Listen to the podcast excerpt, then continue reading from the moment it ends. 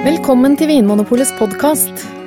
I panelet i dag sitter programleder Trond Erling Pettersen, varefaglig leder Tom Tyrihjell og varefaglige rådgivere Anders Stueland og Anne Engrav. Dagens tema er rosévin. I dag skal jeg gjøre noe som jeg aldri har gjort før. Jeg skal nemlig ønske velkommen til Anne og Anders og Tom i studio samtidig, alle sammen. Yeah! Hallo! Og en ekstra god grunn til å være glad og fornøyd i dag, folkens, det er at vi har fått post. Vi har fått et eh, elektronisk brev fra en eh, kar som heter Kåre Øye. Eh, Han kaller seg for roséentusiast, og da skjønner dere sikkert at det skal handle om rosévin i dag. Kåre har sendt da en mail til podkast.vinmonopolet.no, og han skriver følgende. Hei, takk for interessante podkaster. Kunne dere ta en podkast om rosévin? Hvilke druetyper og områder er det som utmerker seg? Hvordan lages rosé? Hva avgjør om fargen blir lys eller mørk? Historie? Status? Hvorfor er rosévin ferskvare? Hva skjer når den lagres, sammenlignet med rød og hvit? Og finnes det rosévin som kan og bør lagres? Det var mange gode spørsmål. Ja, det var veldig mange gode spørsmål. Jeg tror, men tror du vi skal klare å få svart på det, Anne? Ja, vi får vel begynne fra en kant. Ja, Hvilken kant skal vi begynne fra? da? Skal vi begynne med hvor, hva rosévin er for noe, og hvordan det lages, kanskje? Ja. Ja. Godt, godt forslag, Trond Erling. Ja. Hvem vil begynne å fortelle om det? Tom, kanskje? Ja, det kan jeg gjøre et forsøk på. Eh, Jeg tenker ved rosévin er som en veldig lett rødvin. Mm. Eh, Og det er nok eh, mye pga. måten den lages på. Fordi når man smaker på de, så er de kanskje mer som en hvitvin. Mm. Og måten de lages på, er at du har eh, blå druer, eller det som er rødvinsdruer. Mm. Så tar du og knuser de, og så er mosten er fargeløs. Og så ligger mosten og trekker ut farge fra skallene. Og når du siler av det ganske kjapt, så får du en ganske lys vin.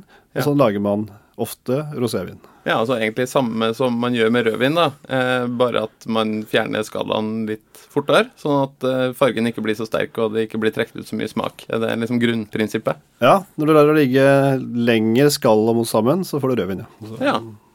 Anders, er det, er det spesielle egne druer som brukes til å lage eh, rosévin, eller er det de samme kjente druetypene som brukes til rødvinene som vi finner i hylla? Jeg kommer ikke på noen sånne spesielle rosévindruer. Nei? Det er jo gjerne slik at der det lages rødvin, så lages det ofte rosévin også. Mm. Um, det fins noen druer som brukes til hvitvin, sånn som pinot gris, Ja. som har litt eh, pigment i skallet som gjør at de er litt sånn rosa-gylne. Mm. Og de kan eh, gi en veldig sånn svak rosa Ja. vin. Har det et eget navn, den typen vin? Da kalles det gjerne for gris de gris. Det skrives gris de gris. Ja. Mm. Men det er da altså ikke griserosa vin, men det er Nei. litt Nei, det- lysere rosa vin. Det kalles gjerne for sånn Er det sånn eh, løk Løkfarget? Løkskallfarget. Ja. ja. ja. Ehm, Anne, fins det andre metoder å lage rosévin på? Ja, det er en metode til som er mer et slags biprodukt av rødvinsproduksjonen, da. Ja.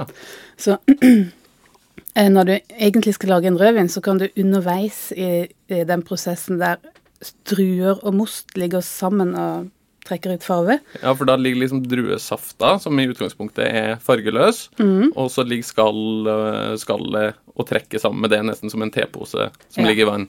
og så vil du lage en rødvin, så du vil ha liksom full farve og tannin ut av druene. Men for å få liksom konsentrert det som er igjen, da, så tapper du av litt Mm. eh, tidligere i prosessen. Og den er gjerne sånn rosa vin, eller rosa most, og det blir eh, Det blir rosévin. Og så fortsetter du å lage rødvin av resten, da. Ja. Og den prosessen har et eget navn nå? Ja, seigneur er det liksom franske flotte ordet på det, da. Ja. Og det betyr noe sånn som årelatning, eller ja, Mhm. handler om det liksom å trekke ut blod, da. Mm. Det blør. Det blør. Ja.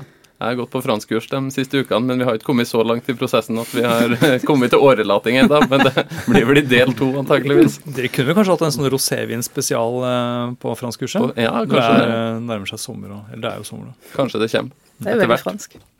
Eh, Tom, er det lov å blande rødvin og hvitvin for å lage rosévin? Eh, vanligvis ikke, i hvert fall ikke i Europa. Mm. Så du hadde laget det på de to metodene som vi har snakket om. Mm. Men, men for musserende vin så kan, kan det gjøres. Ja, så da kan man blande, Anders. Da, Mm. da Champagne, for eksempel, som er veldig kjent musserende vin. Mm. Der er det lov å blande litt eh, rødvin i, eh, i hvitvinen Mm. før annengangsgjæring på flaske. Ja. Men det er ikke sånn at all, champagne, all rosa champagne er laget på den måten. Noen lager det på sånn at de eh, lar Mm. Rødvins Altså de blå druene massererer veldig kort, da. Mm. Anne, eh, Kåre spør jo her hva er det som avgjør om rosévin blir lys eller mørk på farge? Ja, det handler jo om denne prosessen med at druene ligger sammen med mosten. Mm.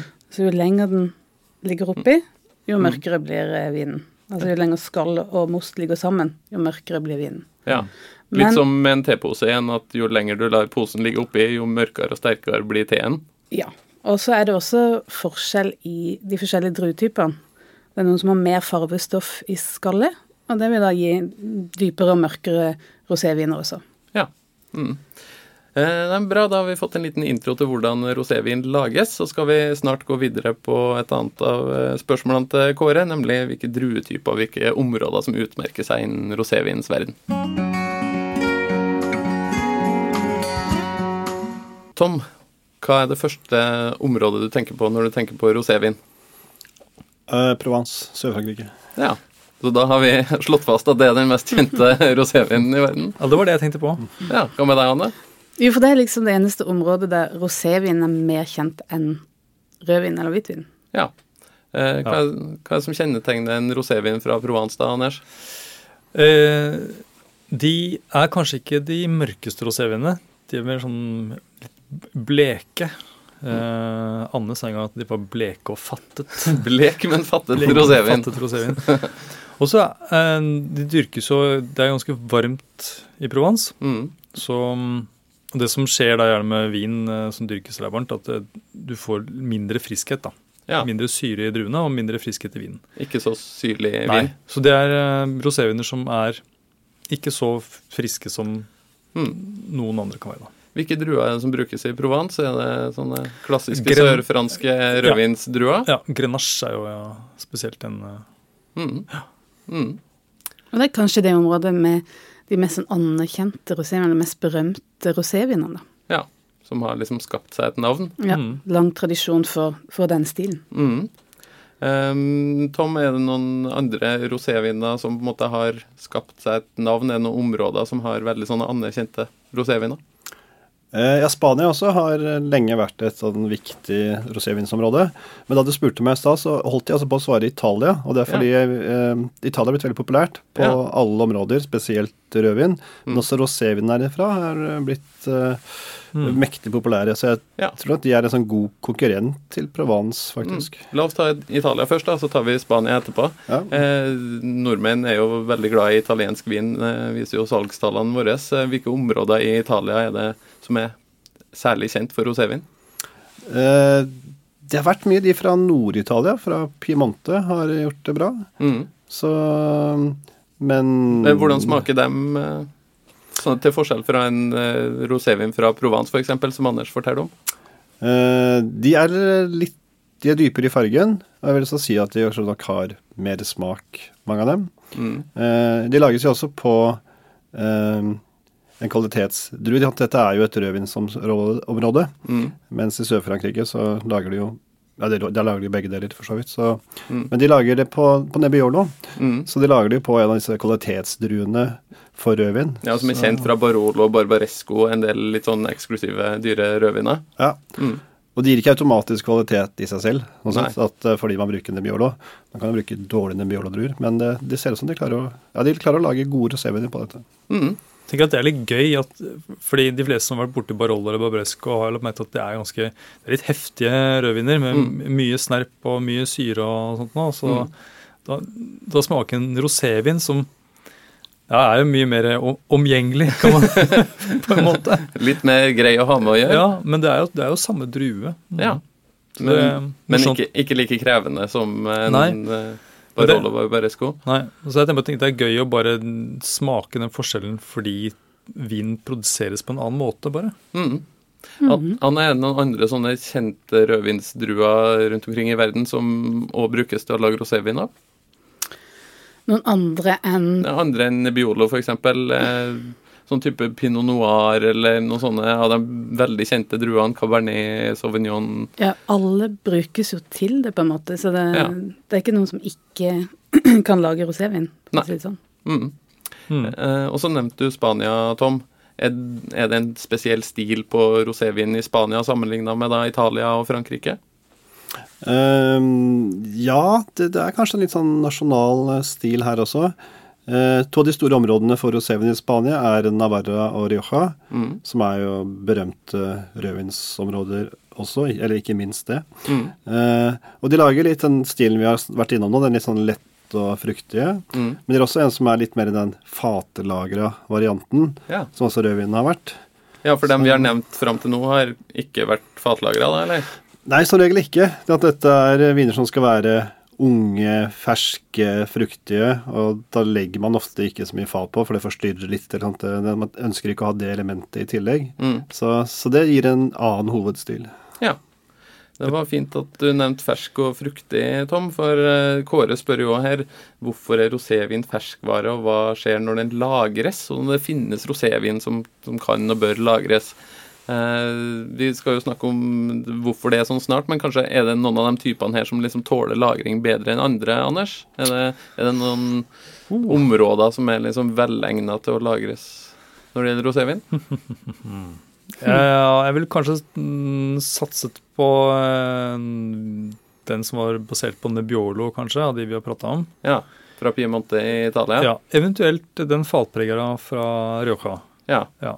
Er det rett og slett fordi de på en måte har litt mer smak og litt mer farge og litt mer kraft enn f.eks. de lyse fra Provence? da? Det kan det være, At de er men, mer robust? det kan det være, men eh, jeg tror det også handler om at eh, mange av de andre roséene jeg har vært innom, lages på en slik måte at man vil ha en sånn umiddelbar fruktighet. Ja. Og da det er det gjerne slik at man eh, gjærer de litt kaldt, og kanskje bruker noen gjærtyper som gir mye estere, som det kalles. Mm. Og, Hva, er- hva er estere for noe? Ja, det er alkohol og syre da, som går sammen, og så danner de sånne nye kjemiske forbindelser. Mm. Og mye av det vi går rundt og lukter på eh, i verden, er, er nemlig estere. Ok, Så det er rett og slett aromastoffer i vinen? da? Aromastoffer, ja. Mm. Og det, det vi har erfart, er at eh, både rødvin, hvitvin og rosévin som har mye av noen sånn type bestemte estere, Mm.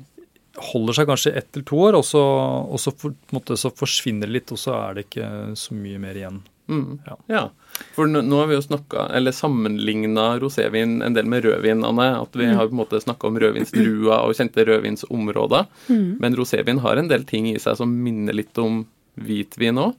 Ja, jeg syns jo Tom sa det bra til å begynne med, at det lages jo på en måte som mindre om rødvin, men det smaker jo mest som en hvitvin. Mm. Har, eh, det har den friskheten, og det har liksom den derre fraværet av snerp eller tannin. Mm. Og, og så er det mer sånn Ja, det derre liksom Nesten litt sånn sitrusaktig også i mange av de, da. Som Ja. jeg tenker Det minner Ja. Minner mer om en hvitvin både i eh, smak og i bruksområder. Mm.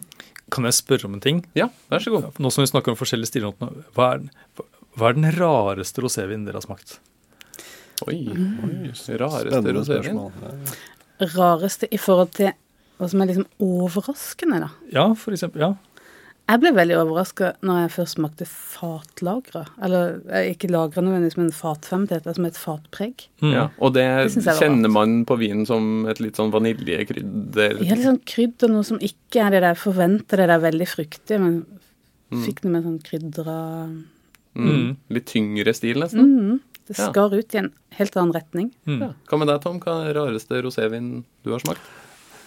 Og hvert fall den jeg husker best, da første gang jeg smakte Schilcher, den østerrikske rosévinen. Ja. Det var en sels... Eller ikke sels, men det var, det, det var en veldig annerledes opplevelse, fordi den eh, De har jo ikke så mye friskhet eh, rosévin alltid Nei. som hvitvin. Mm. Men den hadde veldig mye syre. ja. Schilcher fra Østerrike. Schilcher fra hva er det, Veststeiermark i Østerrike. Ja. Så en litt sånn liten, lite produksjonsområde, men som har vært veldig populær i Norge en periode. og Som Sånn ordentlig er supersyrlig, superfrisk eh, rosévin? Ja, virkelig sånn veldig sånn Riesling pluss-friskhet. Ja, det det var sånn, hva, man snakket om at sånn tennene krakelerte omtrent. Det Ja, de er spesielle. De renser Ja, men, godt opp i munnen, da. og jeg husker jo da at de, at de slo veldig an eh, for en del år siden, og det var jo veldig gøy. Det er en østerriksk spesialitet. Mm. Det er et tipper at uh, Mesteparten av vinverdenen har jo aldri verken smakt eller hørt om den type vin, og så er det plutselig er det liksom en sånn der Schilcher-bølge i, i Norge. Det er Ja. veldig gøy. Ja. Men hvorfor spurte du om det egentlig, Anders? Er mest fordi jeg har lyst til å fortelle om en rosévin som jeg ble overraska over. Ja, ja. fordi eh, For et par år siden så prøvde jeg nemlig en eh, rosévin som var laget av pinot gris, altså en grønn drue, da, mm. men som da hadde litt pigment. ja Men- det var den som hadde litt grann farge, og som eh, ja, ikke var griserosa, men litt blek eh, rosévin. ja. Og da, da hadde produsenten gjort sånn at han hadde latt eh, eh, skall og stein ligge veldig lenge Mm. eh, sammen med mosten. Mm. Som om man skulle lage en rødvin, faktisk. Sånn at den, det ble en rosévin, men den snerpa som en rødvin. Oi! Den var veldig intens, og masse, masse ulike smaker. Ja. Spennende. Da ble du overraska. Ja, da ble jeg overraska. Ja. ja. Men det, det var en fin historie, Anders. Ja, takk skal du ha. Ja. Nå skal vi høre en liten historie til, og når den er ferdig, så skal vi snakke litt om hvordan rosévin passer til mat. Mange historier i vinens og matens verden handler om uhell som fører til et uventet, men velsmakende resultat. Nå skal du få høre en historie til. I 1975 sto vinprodusenten Bob Trinchero i Napa Valley i California og klødde seg i hodet. Som vanlig skulle han lage en tørr rosévin av druemost han hadde tappet fra rødvinen han var mest kjent for, en Sinfandel. Men denne gangen gikk det galt. Rosévinen ville ikke gjæres tørr, Trinchero satte den søte og i hans øyne mislykkede rosa vinen til side. Heldigvis for Bob smakte han på vinen igjen to uker senere. Den var fortsatt relativt søt, men Bob likte smaken og bestemte seg for å tappe vinen på flaske og sende den ut på markedet. Resten er, som det heter, historie. Den sødmerike rosévinen fikk navnet White Sinfandel og ble så populær at den ble en egen kategori. Snart begynte hele California å lage rosévin på samme måte. I 2006, 30 år etter uhellet, sto denne vintypen for 10% av all vin som ble solgt i USA. Seks ganger så mye som rød Sinfandel.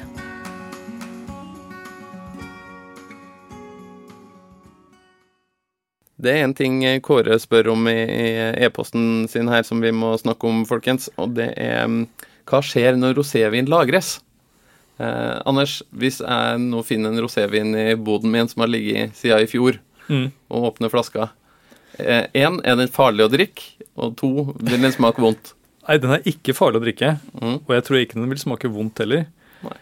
Um, hvor fort vin utvikler seg, det avhenger av eh, spesielt temperatur, men også hvor mye lys det er. Ja. Så hvis den flaska har ligget eh, mørkt og sånn relativt kjølig, og kanskje den til og med har skrukork, Ja. som da på en måte er enda tettere, sånn at, som gjør at det ikke kommer så mye luft til vinen, så er det ikke sikkert at det har skjedd så fryktelig mye med den. Nei, så skrukork er faktisk bedre enn eh, vanlig naturkork når det gjelder å holde lufta ut. Ja. Anne, hvordan smaker en litt lagra rosévin, da? Eh, ja, det er jo ikke godt å si ett svar på, men det som den ofte er laga for en rosévin, er jo det der ferske og veldig sånn ja, umiddelbare fruktigheten. Mm. Og er kanskje ikke lagd på en måte som gjør at du skal liksom bevare denne fruktigheten. Så hvis den blir lagra for lenge, da, Mm. så vil den I gjerne mange år? Ja, eller, eller til den ikke Altså, Mm. det mister de kvalitetene med det der eh, gode fruktigheten. Så Mm. går det over til å bli noe mer sånn diffust og mer sånn pappaktig, og den, og den gir liksom mindre av seg, annet enn bare liksom Mm. syre og noe liksom Ja. vokspapp-aromaer, da. Mm. Så rosévin er stort sett laga for å drikkes ganske ung og fruktig? Ja, det er liksom målet med de fleste roséviner som blir laga, er jo det at den skal Mm. være sånn umiddelbar. Mm. Og det, de er jo ofte tappa på klare flasker òg, så det er kanskje òg et hint om at eh, de ikke er lagd for lang lagring. Mm. Eh, Tom, eh, lagringsvin er jo ofte forbundet med, med status. Eh, Kåre spør jo her hva er statusen til rosévin? Hvilken status har denne vintypen i, i vinmiljøet? Nei, Som vi har vært inne på, så er det jo sånn, litt sånne kaller Kall det litt ukompliserte viner som man lette å drikke.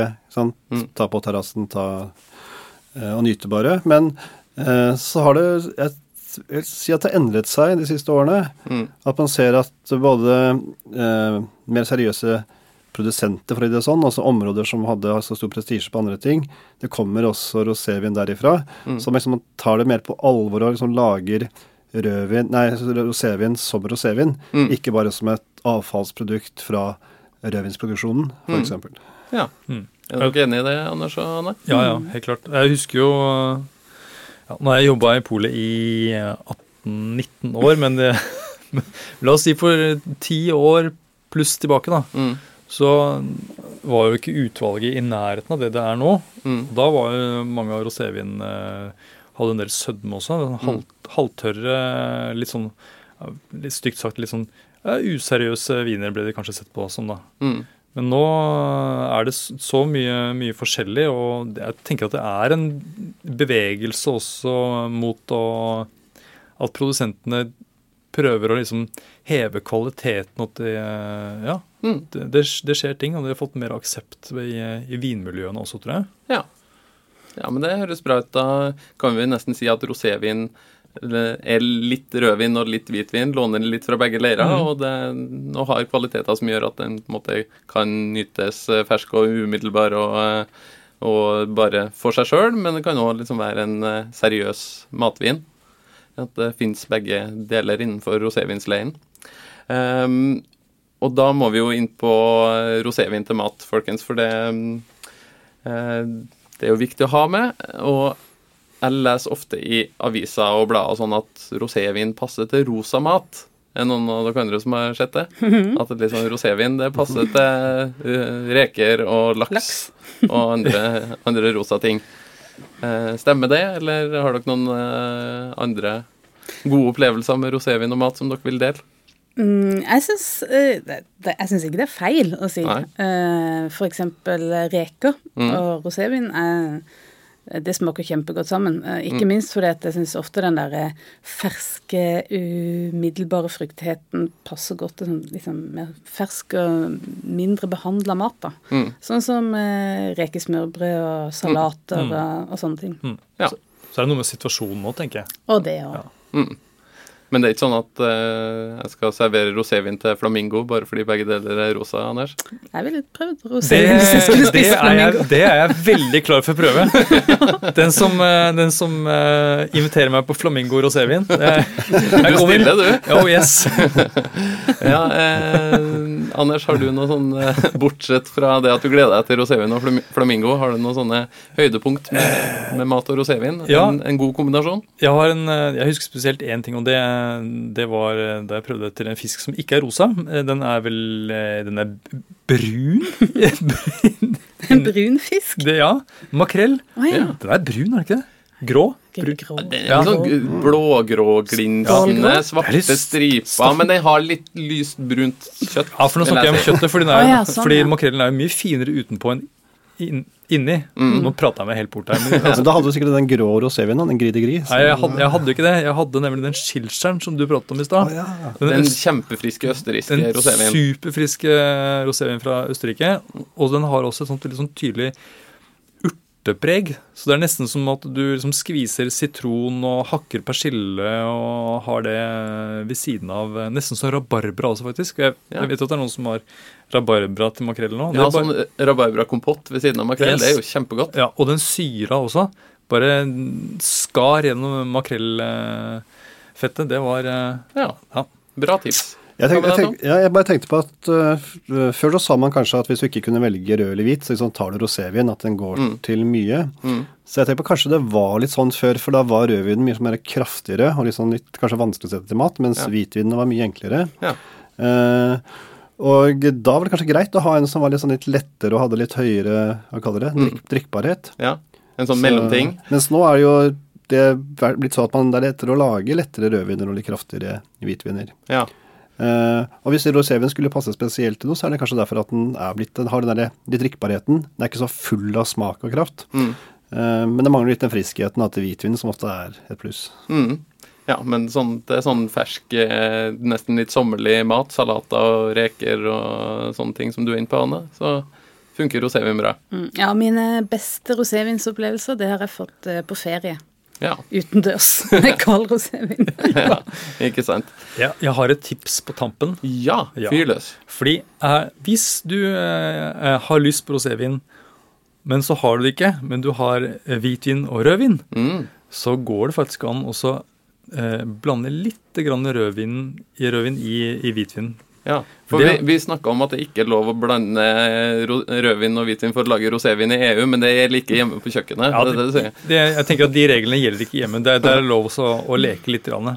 De EU, det var jo litt rabalder for noen år siden da EU diskuterte om de skulle endre på reglene. Men det er fremdeles slik at de ikke kan lage rosévin med å, å blande, men du kan gjøre det hjemme. Mm. Og jeg har prøvd det, Ja, og serverte også til, eh, til flere, og det, det gikk eh, rett hjem, det, altså. ja. Ja, Så bare du har en, en god hvitvin og en god rødvin, så er Ja. det stor sjanse for at det blir bra som rosé òg.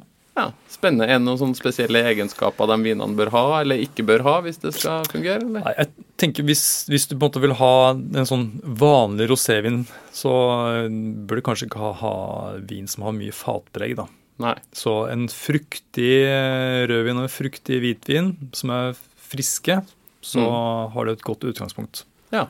Jeg tror også den lekende innstillingen her som Anders eh, skisserer, er veldig bra i forhold til både rosévin og annen vin. Mm. Og jeg tenker at nå som også rosévin har litt sånn Kanskje man i dag er litt redd for å bruke det til en del ting, for de kan tenke at det er ikke sånn helt seriøs vin. Mm. Men kanskje sånn som med musserende vin, så tenkte man at uh, man vet ikke helt, det skal bare brukes til aperitif. Mm. Men sånn, liker man musserende, så finner man ja, du finner den musserende som passer til veldig mye mat. Bruk det til fisk, bruk det til kjøtt om du vil. Mm. Det samme med rosé, tenker jeg også. Eh, hvis du liker rosé, så klarer du å finne en rosé som passer til både fisk og til kjøtt. Ja, veldig bra. Da skal jeg hjem og leke meg litt. Mm. Eh, til deg som hører på, hvis eh, du har noe du lurer på når det gjelder øl, vin, brennevin, mat, hva det måtte være, så gjør som Kåre Øye, roséentusiasten, og send en e-post til podkast.vinmonopolet.no. Så gleder vi oss til å se hva du har på hjertet, og så skal vi ta opp spørsmålet ditt på lufta. Eh, og hvis du liker det du hører fra Vinmonopolets podkast, så gå inn i iTunes eh, eller Soundcloud og eh, gi oss en rating, noen stjerner, og skriv gjerne noen ord om, om hvorfor du liker det vi holder på med. Takk for at du hører på Vinmonopolets podkast. Har du forslag til et tema i podkasten? Send mail til podkast at vinmonopolet.no. I tillegg svarer kundesenteret deg på e-post, chat og telefon. Ring 04560 eller besøk vinmonopolet.no.